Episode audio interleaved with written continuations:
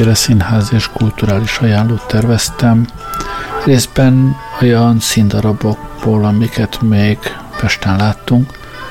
Talán feltűnt, hogy a karácsonyi időszakban keveset voltam a cseten. Ennek az oka részben az volt, hogy hát minden szabad esténken valahol színházban voltunk, ma este négy ottani színdarabról szeretnék valamit mesélni.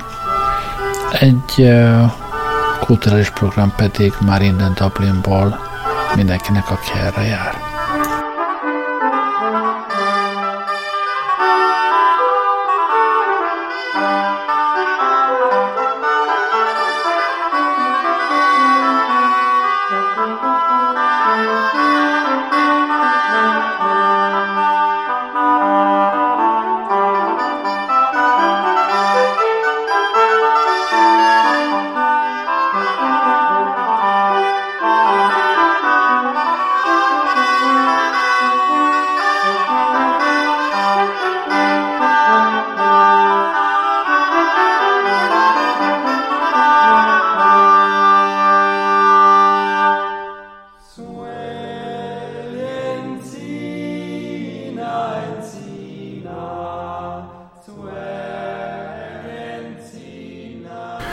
Az első darab, amit megnéztünk Pesten, a Pinter Bélának a Szívszakadtig című drámája volt a Szkénében, egy kritikából olvasok róla. Az alapotlet, amire a drámát felépíti, az a tudományos módszerekkel még nem, meg nem magyarázható, de a szívsebészek némelyike szerint létező tapasztalat, hogy a szívátültetéssel az új szívet kapó beteg a donor néhány tulajdonságát is átveheti. Egyébként nekem azért is nagyon izgalmas volt ez, mert éppen akkor olvastam Robert Heinleinnek egy szifijét, egy, egy regényt, ami hát az agyátültetésről szól, de, de nagyon hasonló témát tapogatott. Szóval a donor, donor néhány tulajdonságát is átveheti. Így jár Emőke a történet főszereplője, aki a vak szerencse vagy szerencsétlenség, attól függ honnan nézzük folytán, egy falusi postásnő szívével élhet tovább. A fordulatokban gazdag történetben számos közéleti utalás található, a szív szakadtig mégsem a közéleti súlypontú pintérdrámák sorába tartozik, inkább azok közé, amelyben a magánélet családi szál az erőteljesebb. Lehet persze vitatni bizonyos fordulatok szükségesek-e, vagy sem, muszáj-e például a családba bekerülő értelmi fogyatékos fiúnak ráadásul még színesbérűnek is lenni, valószínűleg nem, ennélkül a csavar nélkül is működne a történet, még ha egy közéleti utalással és néhány poénnal kevesebb is lenne benne. Ebben a történetben, az orvos kivéve, aki amellett, hogy a, legtöbb, a betegebb betegét menti meg, a saját pénztárcáját is kitömi, mindenki úgy cselekszik, ahogy ezt lelkiismerete és a szíve diktálja. A szülő a gyerekét akarja megmenteni minden áron, a szerelmes a szerelmét, amúgy még mindenki egyszerűen élni szeretné az életét. Nincsenek elveszte ömölt agresszív rokonok, mint például a sütemények királynőjében. A családtagok szeretik és segítik egymást, miközben persze mindenkinek megvannak a maga kisebb-nagyobb hibái gyarlóságai. De mindez nem elég, ha jön a betegség vagy valami más külsők miatt mindent megváltoztat. Nincs olyan ősbűn, mint a parasztoperában, amit belső igazságérzetünk szerint méltán követ a megkésett, de annál súlyosabb büntetés. Nincs magyarázat arra, hogy miért éppen velük történik, ami történik, és éppen ez a nyugtalanító ebben a történetben. Hogy Pinter Béla most a kiszámíthatatlan végzetszerűséget szerette volna középpontba állítani, erősíti az a verses keretszöve, amit a szívbeteg lány emőke, Stefanovics Angéla mond el az előadás elején és a végén. Igaz, hogy az előadás utolsó tíz percig többet nevetünk, mint szoktunk, annyival többet, hogy már már azt hiszi az ember, ezúttal kisebb lesz a gyomorszájunkra mért ütés. De persze nem. Szóval, és ezt már én mondom, kicsit olyan ez, mint a Pintérből, aki próbálta volna, hogy milyen az, ha az ember ilyen kicsit tortodobálós végjátékot írna, de hát persze nem tudja megtagadni magát, és ő azért Pintér Béla, hogy, hogy nagyon durva mondani való is legyen a történetben. Mindenkinek ajánlom.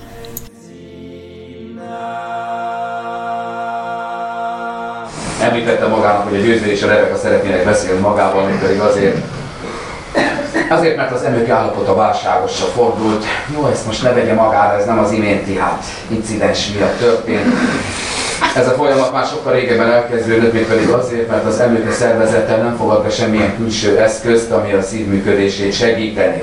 Ellentétben a maga szervezetével ugye az előjárdék készülék beültetése óta 40%-kal tudtuk növelni a szív kapacitását. Na most a probléma az, illetve azért szerettük volna beszélni magával, mert azzal együtt, hogy az emlőke nagyon sok szempontból súlyos, sokkal súlyosabb állapotban van, mint maga, csak a második helyen áll a szív átültetésre váró listáján, azon a listán, hol maga az első.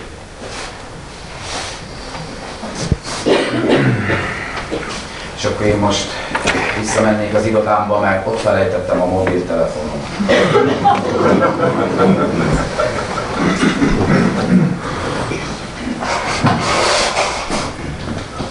Robikám, ne hallod, hogy pofomáktolak az előtt.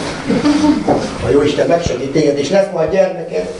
Megérted majd, hogy az emberiek ott nem, hát nem tud józanul gondolkodni. De hogy haragszom, győzőbátyám. Ti bocsássatok meg nekem, ismét megbocsátani. Fiatalok vagytok, vágyaitok vannak, bármilyen teljesülhetnének a vágyaitok. Fiam, a következő a helyzet. Én előre bocsátom, hogy azzal, amit az apu most mondani fog, mélységesen nem értek egyet. Mert tudtam, hogy nem a Balkánon élünk, és ez egy botrány, hogy ilyesmi megtörténhet ebben az országban. Van ez most ebben Rozikám? Apa! Nem Rozikám, hanem Rebekám. Véletlen volt elnézést kérek. Anyám, most nekem végén létszes. Hagyd mondjam végig, amit akarok. Na, Rebekám. Nem Rebekám, hanem Robikám. Teljesen ki vannak az idegei. Fiam, összesen 150 ezer euró kell eladom az autómat, meg a házamat. Remike eladja a saját lakását, mert meg is van hirdetve. Aztán odaadjuk a pénzt a doktor úrnak, illetve a doktor úrnak, mert annak a bizottságnak, aki ezt az egészet intézi. Neked csak alá kell írnod valamilyen papír, hogy lemondasz az első helyedről a listán, és ha idáig eljutottunk, akkor talán meg tudjuk menteni a kislányomat. Ez a kérésünk hozzá, kisfiam. Írjad alá a papírt, hogy lemondasz az első helyedről a listán. Persze győző, ahogy akarjátok. Mindent mindent megteszek az emlőféért, a Jóisten áldjon meg téged. Áldja meg a Jóisten a drága szívedet. Csak mondjátok meg, hogy mit kell tennem, és én megcsinálom. A Rebik elmondja, mert nekem egy kicsit bonyolult ez az egész. Azt azért tudnod kell, hogy ezt semmilyen normális európai országban nem lehetne megcsinálni. Ez a deal kizárólag azért jöhet létre, mert a Nemzetközi Transplantációs Uniónak idén Magyarország a soros elnöke. A lényeg, hogy biztos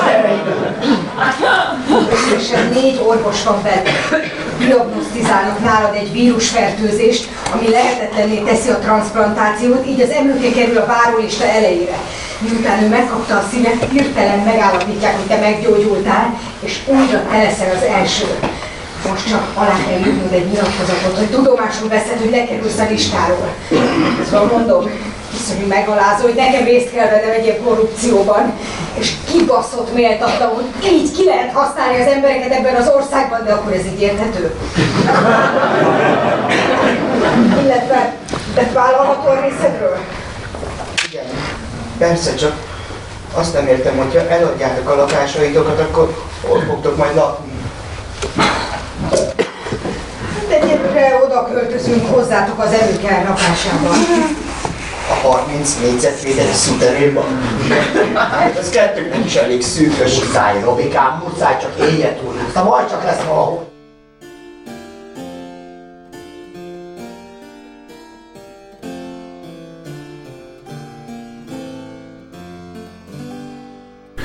Egy másik Pintér Béla darabot is láttunk, még pedig a katonában az Aser Tamás Háromszéken című darabot.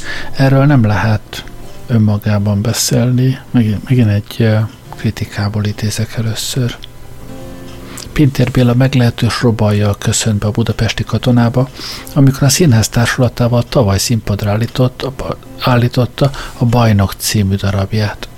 A robajokkal elsősorban az volt, hogy egy kormánypárti vezető politikus magánéletéből írta a dalabot, ami az Indexnek a bemutató napján megjelenő bulvárhabitású cikke után mindenki számára nyilvánvalóvá vált. A jobboldali sajtó nagy elánnal és általában a jó ízlés határain túlszólalt fel a magánélet ilyen jellegű pellengére állítása ellen.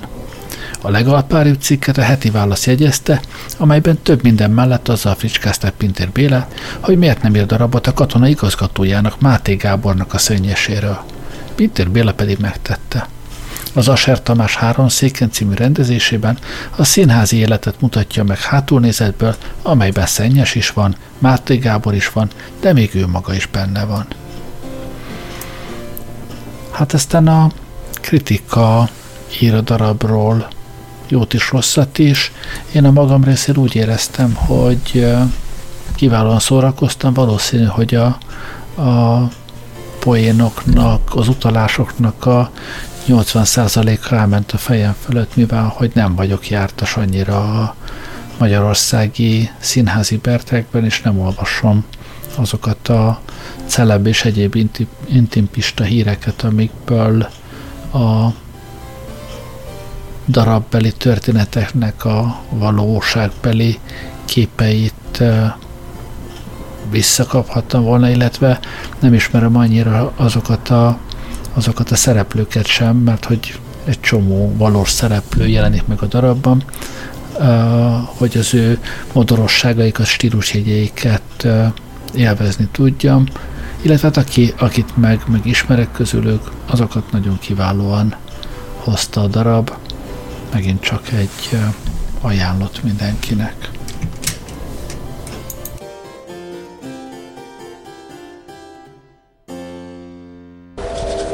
Mi ez? Társulati ülés április közepén? Lehet, hogy én a téma. Ilyen titokban tárgyaltak az Kazimír Károlyjal, de nem tettem volna, ha tavaly engedi, hogy én is rendezhessek itt néha. De nem, ő mindig kizárólag csak a sztárokra. Csak hárman dolgozhatnak itt, ő, az Osmer, meg a Boba. És én mikor kerülök sorra? Soha, basz meg! Soha! Vajon nem fizettem ki a számlám ott hete, nem az egész társulat előtt baszodat vele. Tehát mit, mit, mit, mit akar ez tőle? Mert érzem, hogy valamit akar, de érdemes zavartad hadar, aztán elsiet, mintha bujkálva előle. Bármi is következzen, biztos, hogy nem lesz jó nekem. Érzem, hogy különös fordulatot vesz ma este az életem történetünk hőse Máté Gábor zöldődött itt magában. A katonavári Kaposa József Színház 7 éve szerződött tagja. Az első generációs színművész Máté családban. A majdani igazgató és sok színi növendék gondoskodó apja. De ő még nem a szabad hatalommal bíró Máté Gábor. Per pillanat nagyban függ főnökei jó, vagy rossz. Csak ki most a darabot exponálja éppen ágyazva az áhított drámai örömnek vezelési doltán a kedvenc színészek. Csak elfelejtett bemutatkozni önöknek, szóval lemenni a húzódnak bőven mit tanulni, viszont egyszer sem láttam őt színpadon hazudni. Pistán, menjél vissza szépen és csináljak tovább villámgyorsan a dolgodat. Nem lenne jó, ha kelléktárból kellene pótolnod a szilánkosra tört orrodat. Elnézést. Természetesen bemutatkoztam volna, és valóban, ha lesz ebben a darabban egy igaztalan szavam, hulljon le fejemről a holló színű.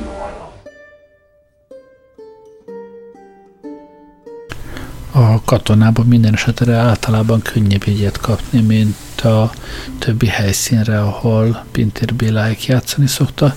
Illetve hát nem tudom most, hogy ez hogy alakul, mert azt láttam, hogy idéntől kezdve elkezdtek az újpesti piac tetején levő vadonatúj rendezvénytérben is játszani. Hát ott még nem volt szerencsém látni őket, de nagyon kíváncsian várom egyrészt, hogy oda mennyire lehet majd egyet kapni, másrészt pedig azt, hogy, hogy az új térben mennyire tud megélni Pintér Béla.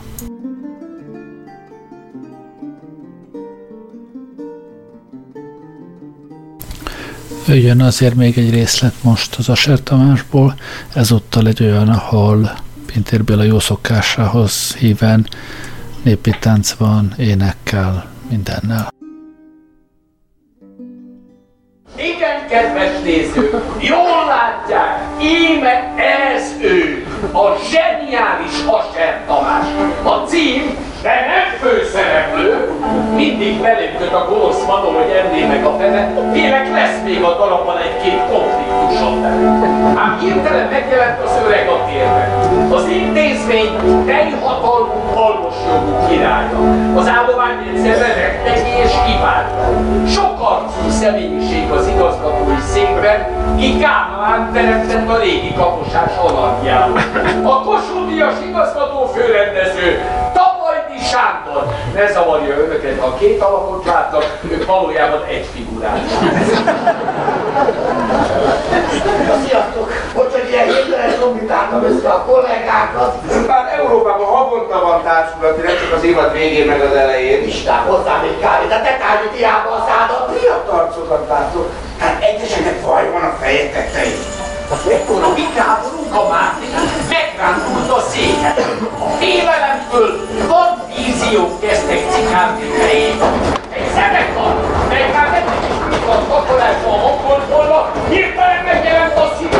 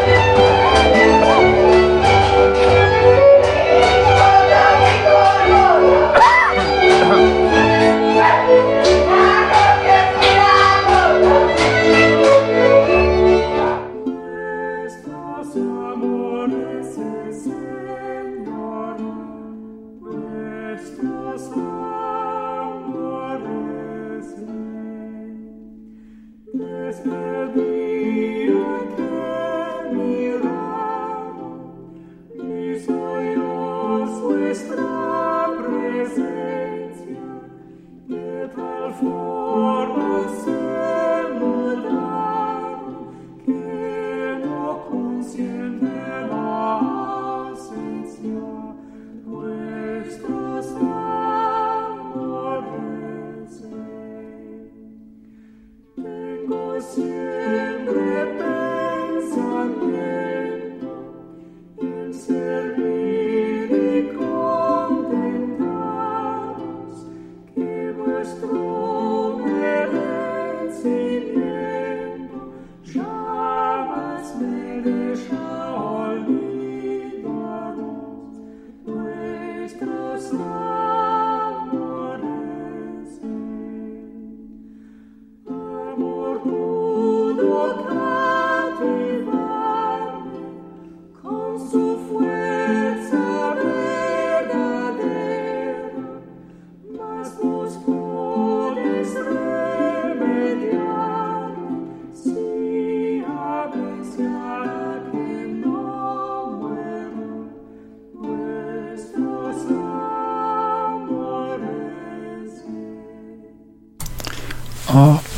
Pintér Béla féle színháztól nagyon-nagyon távol eső szegmensben, de egészen rendkívüli előadást láttunk a Fém Arts and Café nevű helyen, ami egyébként a Váci utcába írja a címét, de nem a Váci utcába, ahol nyílik, hanem egy mellék utcában egy hát többé-kevésbé jelöletlen fényvasajtón kell bemenni, ember nem gondolná, hogy ott bármi értelmes dolog előfordulhat. Ez egy pince helység, ahol van valami kávézószerűség, meg egy kicsike színpad, és ott láttuk az Iza és Krisztián című monodrámát, megint egy kritikából olvasva. Annyit mindenképp mondanék, hogy az Iza és Krisztiánra csak így a Google-ba ne keressetek rá, hanem mindenképp tegyétek hozzá mondjuk a főszereplőnek, Andai Katinak a nevét, mert, mert uh, Iza és Krisztiánra egészen furcsa, ilyen valóvilágos szarok jönnek elő. Úgyhogy olvasom a kritikát. Az Ize és Krisztián utazás egy asszony lelkének és házasságának mélyére, szenzációs fordulatok helyett életszerű és hétköznapi mászba, no és konyakba áztatott monológok során tárol fel egy ellentmondásos kapcsolat nem fejlődés története. A fizikai pusztulás fenyegető közelsége, röpke életünk és legfontosabb kapcsolatunk vég előtti számbetése a Fészek Színházba költözött egy monodráma formájában, Andai Kati emlékezetes főszereplésével. Andai Kati, az Iza és Krisztián nagyasszonya. Hitelesen lényegül át az otthon unatkozó, jómódú és elhanyagolt feleségé, aki úgy érzi, élete egyetlen feladata ölbetett kézzel várni haza az urát. Iza sértett és keserű asszony, folytó gúzsba köti az állandó magány, ujjaihoz pedig hozzáragadt a konyakos üveg. Extravagáns ruházata még szállamosabbá teszi. Két eseten igyekszik világoskék tunikájában, turbányában és erős minkével annak a vagány punkénekes nőnek látszani, aki egykoron szerény, de mégis sikereket ért el, és aki a házassági kötelékben gyorsan füsté és köddé vált. A darab megkapó őszintességgel és humorral beszél magányról, kétségbeesésről, céltalanságról, zugalkoholizmusról és még valamiről, az élettiportság ellenére kiírthatatlan ragaszkodásról és szeretetről.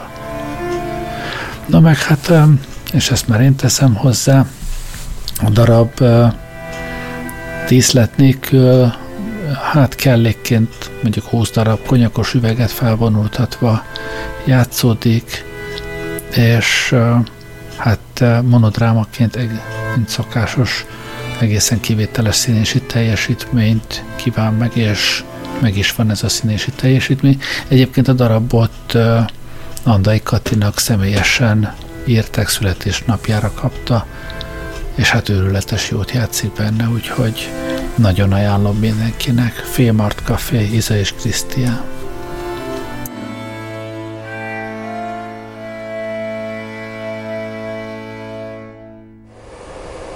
Krisztián középső ujja nem ferde, hanem görbe.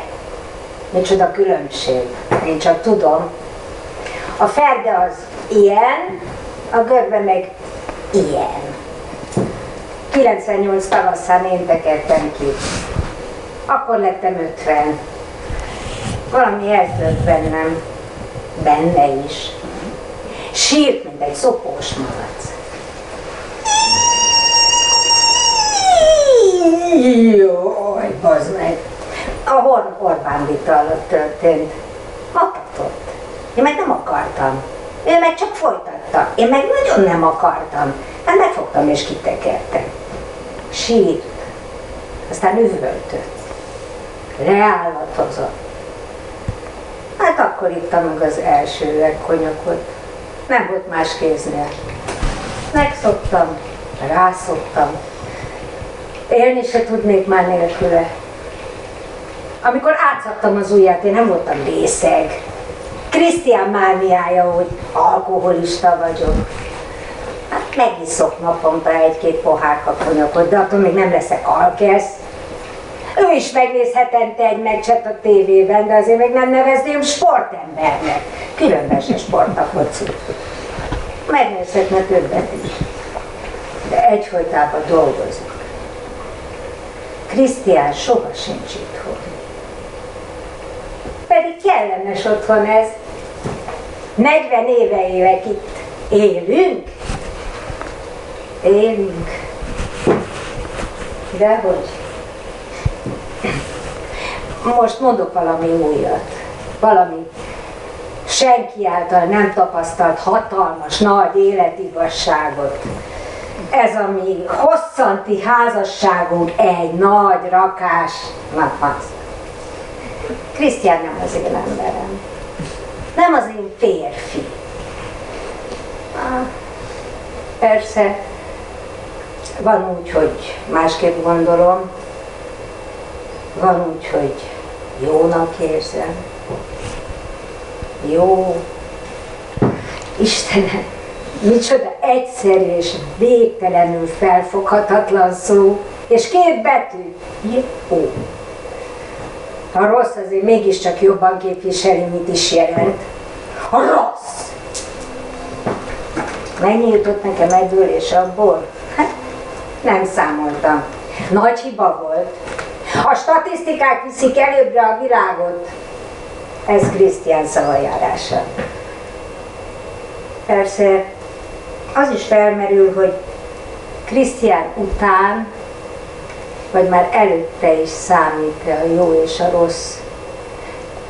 Mert minőségében azért mégiscsak más, hogyha vele nézem a világot, vagy ha nélküle. Krisztián előtt 22-ben születtem.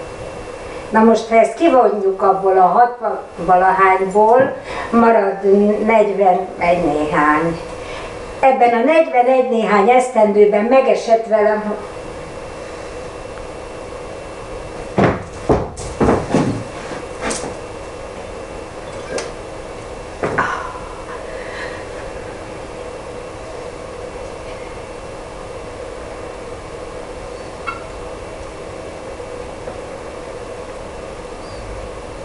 Mit számolgatok itt? Kurva rossz, hogyha összegzek. Ez a konyak mondjuk jó. Jól esik.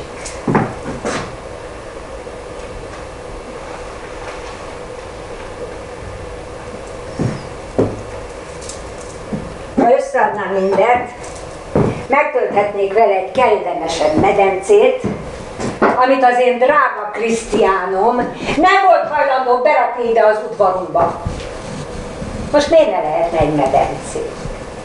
Itt ülök egész évben bezárva, legalább nyaranta, hadd vessem bele magam abba a hűvös, gépileg szózott medanszínba. Én nem vagyok alkoholista. Akkor teszem le az üveget, amikor akarom.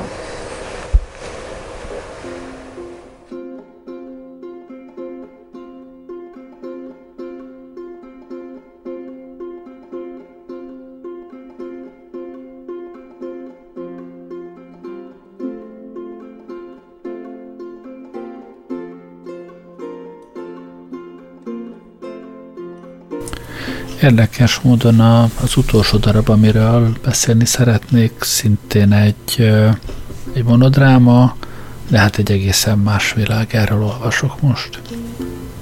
Gerlóci Márton a Csemege pultos naplója című regényéből Lökös Ildikó dramatizálásában azonos címmel egy személyes színmű készült, melyet Orlai Tribor produkciójában és Göttinger pár rendezésében Ötvös András színművész visz hatalmas sikerre, ez idő szerint a Jurányi Produkciós Közösségi Inkubátor házkamara termében.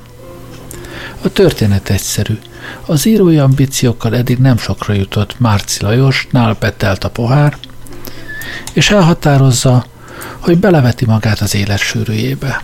A két csemegeboltot működtető piaci kofa, Joli megtanítja neki a szakmai alapokat, majd beállítja őt az eddig üresen állt lóhús termékeket árusító bolt pútjába. Lajos életettől kezdve a csemegeboltba betérő mindenféle vásárló, a házában előforduló lakótársa és a szabadidejében felszedett nők között zajlik, akiket hősünk naplószerűen rendre felidéz, elmesél. Csak épp egy idő után már maga sem tudja, hogy a húst keresi a nőben, vagy a nőt a húsban. És itt mutatkozik meg annak a dramaturgiai nagyszerűsége, hogy Lajos egyszerre küzd meg a szakmával és a kapcsolataival, hiszen mindent általa és rajta átszűrve látunk, mondhatni nem csupán vásárlók és eladók vagyunk, de már-már mi vagyunk a termék is, testestől, lelkestől. Mindenhez Ötvös András a realista színjátszástól az abszurd blödlé kihasználja eszköztárának teljes palettáját. Keze alatt megszemélyesülnek a tárgyak, egy darab ronyból, papírból, egy papucsból, egy felmosómóból, vagy egy kabátból hirtelen hihetetlen komikus erővel ember lesz, az eladandó libák lányokká válnak, a szalámi, a kolbász vagy a sódar pillanatok alatt hangszerként kell életre, amikkel, akikkel társalogni, karakterizálni, zenélni lehet, miközben visítva röhögünk a másikon, és persze saját magunkon. A bábszínházi elemeket, tárgymanipulációkat Schneider Jankó bábművész segített betanítani. Ötvös hangjai magukban is remeklések, ahogyan egyikből a másikba váltogatja a hangszín karaktereket, énekkel, dűnyög, néha csak egy motivum felismerésének erejéig. A színész egy középre állított, forgatható dobozdíszletben is körülötte dolgozik, amely helyszíneket jelenít meg, de ehhez fizikálisan is neki kell megmozgatni az egész rendszert, tehát önmaga díszlet munkása is. Én azt gondolom, hogy egy egészen szellemes ötletre épül, és egy egészen kiváló színészre alapoz, nyilván monodrámát másra nem is lehet, és tényleg az, ahogy a színészünk játszik, és az összes többi szereplőt pedig lényegében bábozva megjeleníti, egy egészen, egészen elképesztő darabot hoz létre. Mindenkinek nagyon ajánlom, Jurányiban megy, csak hát erre is baszi nehéz jegyet kapni.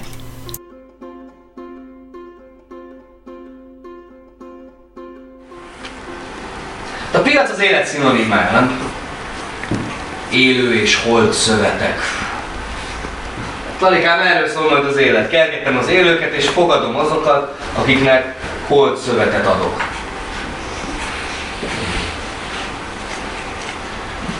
Mondjuk, mondjuk adok és veszek csemege pultos. Nem, szóval, hogy nappal kolbászokat, este meg nincs okat fogdosok, Szóval, e- de tényleg ennyi. Tehát, hogy erről szól majd az egyedülálló csemegepultos élet. Igen. Ja, igen, és mit ideig mindenhová, ide is protekcióval kerülök. Ja, protekció lett csemegepultból azért ez... Ez maradjunk, hogy ez bosszantó. Igen. A házban, ahová költözöm, a lakók zárják a kaput. Én ugyan be nem zárom, nem elég, hogy évek óta lakásokban zárom be magamat, ejtetvén magammal, hogy majd így leszek híres író, tényleg most még a kapura is zárjon rá. rá. Az egyik lépcsőfordulóban ott áll egy néni.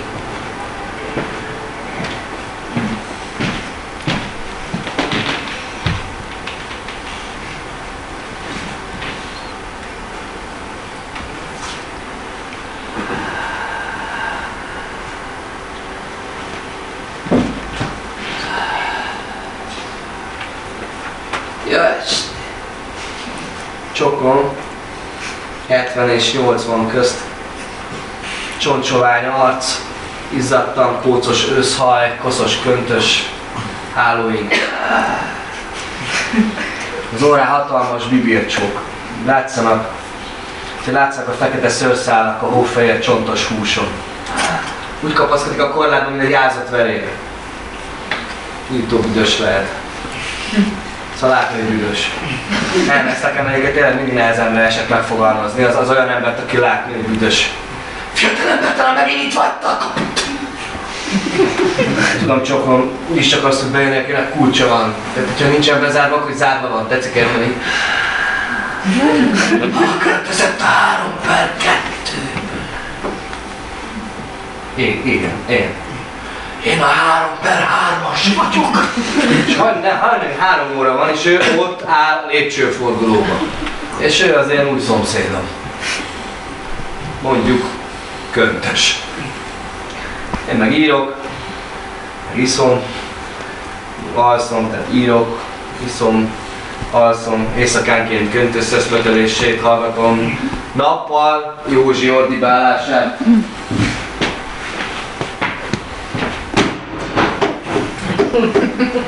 Hadügyök! Mindig ilyen sport papucs van rajta. Hát ez csak a Józsi. Teljesen áttalmatlan.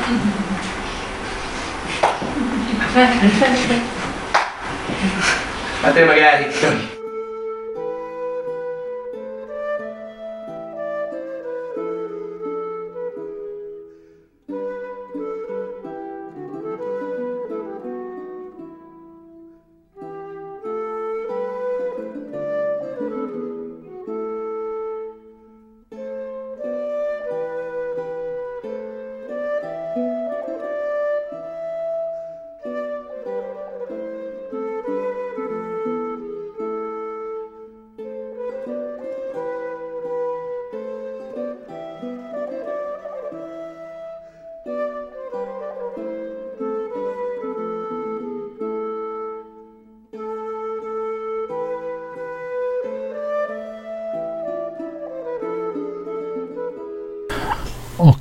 Nem bírom ki még egy, még egy szereplő bemutatását hallgassuk meg innen a Csemege pultos naplójából.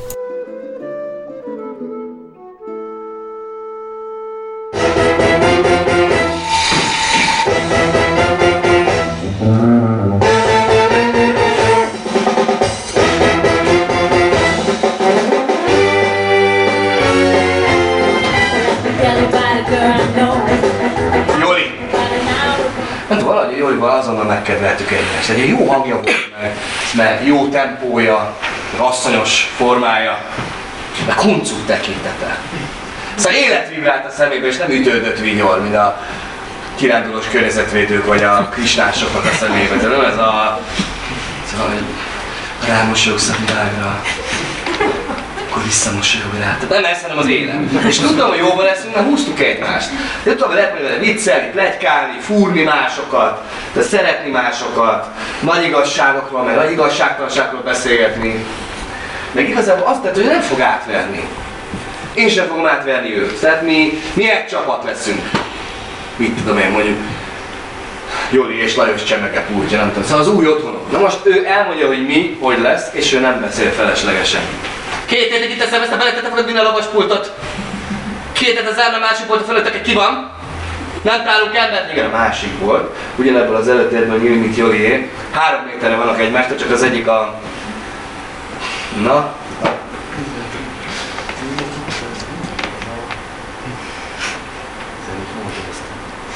Azt a asztalt. Az, bocsánat, tehát az egy, igen, az, az egyik a főútra, a másik még egy mellék utcára néz, mindkettőnek ő az üzletvezetője. De ne, ne, ne, ne, ő rendel árut, ő tölti fel, ő írja az árakat. Na most az én birodalmam lovaspult lesz. Jó, igen, ha már lediplomáztam Jolinál.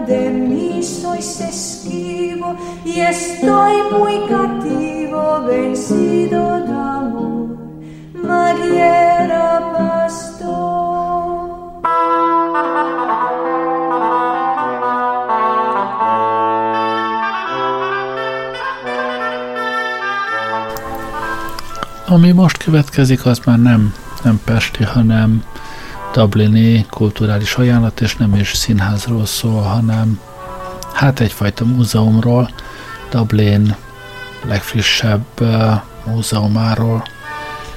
Múzeumnak egyébként eléggé rendhagyó, mert hogy uh, alapvetően egy uh, lakóházról van szó, pedig a Henrietta Street 14-ről.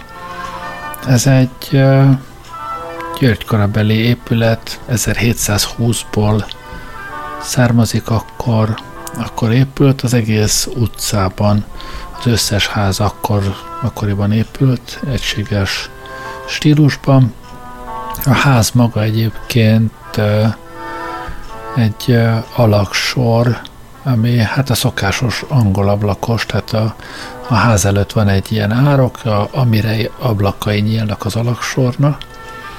Tehát alaksor, földszint, és plusz még, még három emeletes ház, és annak idején egy, hát mondhatni, hogy, hogy főúri, de hát minden esetre egy nagyon előkelő lakóháznak épült, egyetlen családnak, hát igazából férj-feleség lakott benne, a szokásos cselédséggel, tehát a pince szinten voltak a konyhák, mosóhelységek, raktára, a földszinten és az első emeleten reprezentatív helységek, és aztán följebb hálószobák, meg a cselédségnek a a szállásai egyre alacsonyabb és alacsonyabb szintek. És ez a ház, ugye mondom, 1720-ban épült, és az 1700-as évek folyamán végig ilyen előkellőségek, különböző hol világi, hol egyházi személyek birtokolták. Majd aztán 1800-ban, amikor a, az addig virágzó Dublini udvari élet megszűnt, egy egyezmény kapcsán a, a összes hatalmi szerv elköltözött innen Londonba, így aztán a, az előkelőségek is többnyire Londonba költöztek, úgyhogy a, a ház egy kasztal lejjebb került, egy, egy hát nem is tudom, egy könyvelő, mondjuk így egy könyvelő, vagy ilyen, ilyen jogászfélesség vette meg, az irodáját is ebben az épületben működtette, aztán később állami kézbe került egyfajta bíróság működött benne, majd aztán, ahogy a a környék kicsi lecsúszottabb lett, és a, a nagy éhínség után rengeteg vidéki próbált meg a városban valahogy boldogulni, egy lakhatási krízis alakult ki a városban. hát ez már ugye jól az 1800-as évek második fele egy befektető vette meg, aki a főúri szobákat, minden egyes szobát ö, ö, szétaprított ilyen elválasztó falakkal, melyek nem értek fel a plafonig, tehát inkább csak ilyen, ilyen paraván jellegű elválasztó, de hát ö, fából készültek, és viszonylag masszív falszerűségek voltak. Ezeket több apró szobára osztotta őket. Ez a paravánszerűség azért kellett, hogy ne érjen föl a, hát amúgy négy méter magas belmagasság volt a földszinten az első emeleten, mert ugye ha ezek rendes falnak épülnek meg, akkor a belsőbb szobák teljesen ablattalanok lettek volna, így a fal felett kaptak természetes fényt. Tehát ilyen kisebb három, két-három szobás lakórészekre osztotta fel ezeket a szobákat, és ezekbe egy-egy család költözhetett be, bér, bérlakást épített, bérházat épített ebből a, a házból, amely bérházban a, úgy 1900 környékén már, már százan laktak, ebből az egyetlen egy házban. Hát ezt úgy kell elképzelni, ugye, hogy, hogy volt olyan eredetileg egyetlen szoba, amelyben egy 13 fős család lakott, ez volt a, a legnépesebb család a házban. Tehát az utcában, amelyben amúgy, amúgy hát olyan 14 ház van körülbelül, abban majdnem ezren laktak 1900-ra. Aztán a, a környék egyre jobban lecsúszott, és hát 1970-re költöztették ki az utolsó családot is ebből az épületből, akkor sokáig elhagyatottan át, és aztán 2000-ben vette meg az állam, és akkor kezdtek el gondolkozni azon, hogy múzeumot csináljanak belőle, és mostanra nyílt meg, miután a ház történetét százszázalékosan földerítették, de odáig, hogy a családok is megvoltak, akik laktak ezekben a bérlakásokban, sőt, miután a múzeum megnyílt, még élő volt lakók is felbukkantak, akik elmondták a, a, azt, hogy hogy éltek ott, mint éltek ott. Van olyan rész, amelyik a György korabeli állapotot mutatja, hogy hogy néztek ki a falak, hogy nézett ki a lépcsőház, és vannak olyan részek a házban, amik pedig a későbbi a, a társbérletes bérház időszakot mutatja be. Maga a tárlatvezetés az leginkább videókra alapoz. Én kicsit uh, hiányoltam, hogy uh, magában a kiállító térben a, az ott élő családok kevésbé jelennek meg, azt inkább csak a, a túravezető vagy tárlatvezető mesélte el, de hát maga a, az egész múzeum, a vezetés nagyon-nagyon jól van fölépítve, és és hát a, az, hogy egyetlen ház történetén keresztül, hogy lehet az elmúlt 300 évet megmutatni, az, az nagyon el van találva. És azt gondolom egyébként, hogy némi pénzzel meg egy kis szellemes hozzáállással ezt nagy valószínűséggel Budapesten is meg lehetne csinálni, ha nem 300, de legalább 150-200 évre visszamenőleg mindenképpen lehetne találni olyan épületet, akár a, a Józsefvárosban is, amelyik, amelyik polgári vagy nagyúri épületből társbérletesedésen keresztül jutott le a, a, a legmélyebbre, ahova egy, egy ilyen lakóház eljuthat, és ezt nagyon szépen meg lehet csinálni, ahogy a Henrietta Street 14-ben ezt meg is csinálta.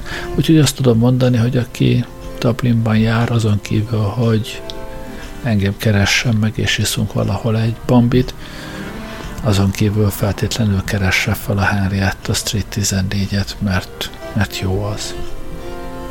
Hát ez volt mostanra a kulturális ajánló. Járjatok színházba, múzeumba. Addig is köszönöm, hogy velem voltatok ma este. Jó éjszakát kívánok. Gerlei Rádiózott.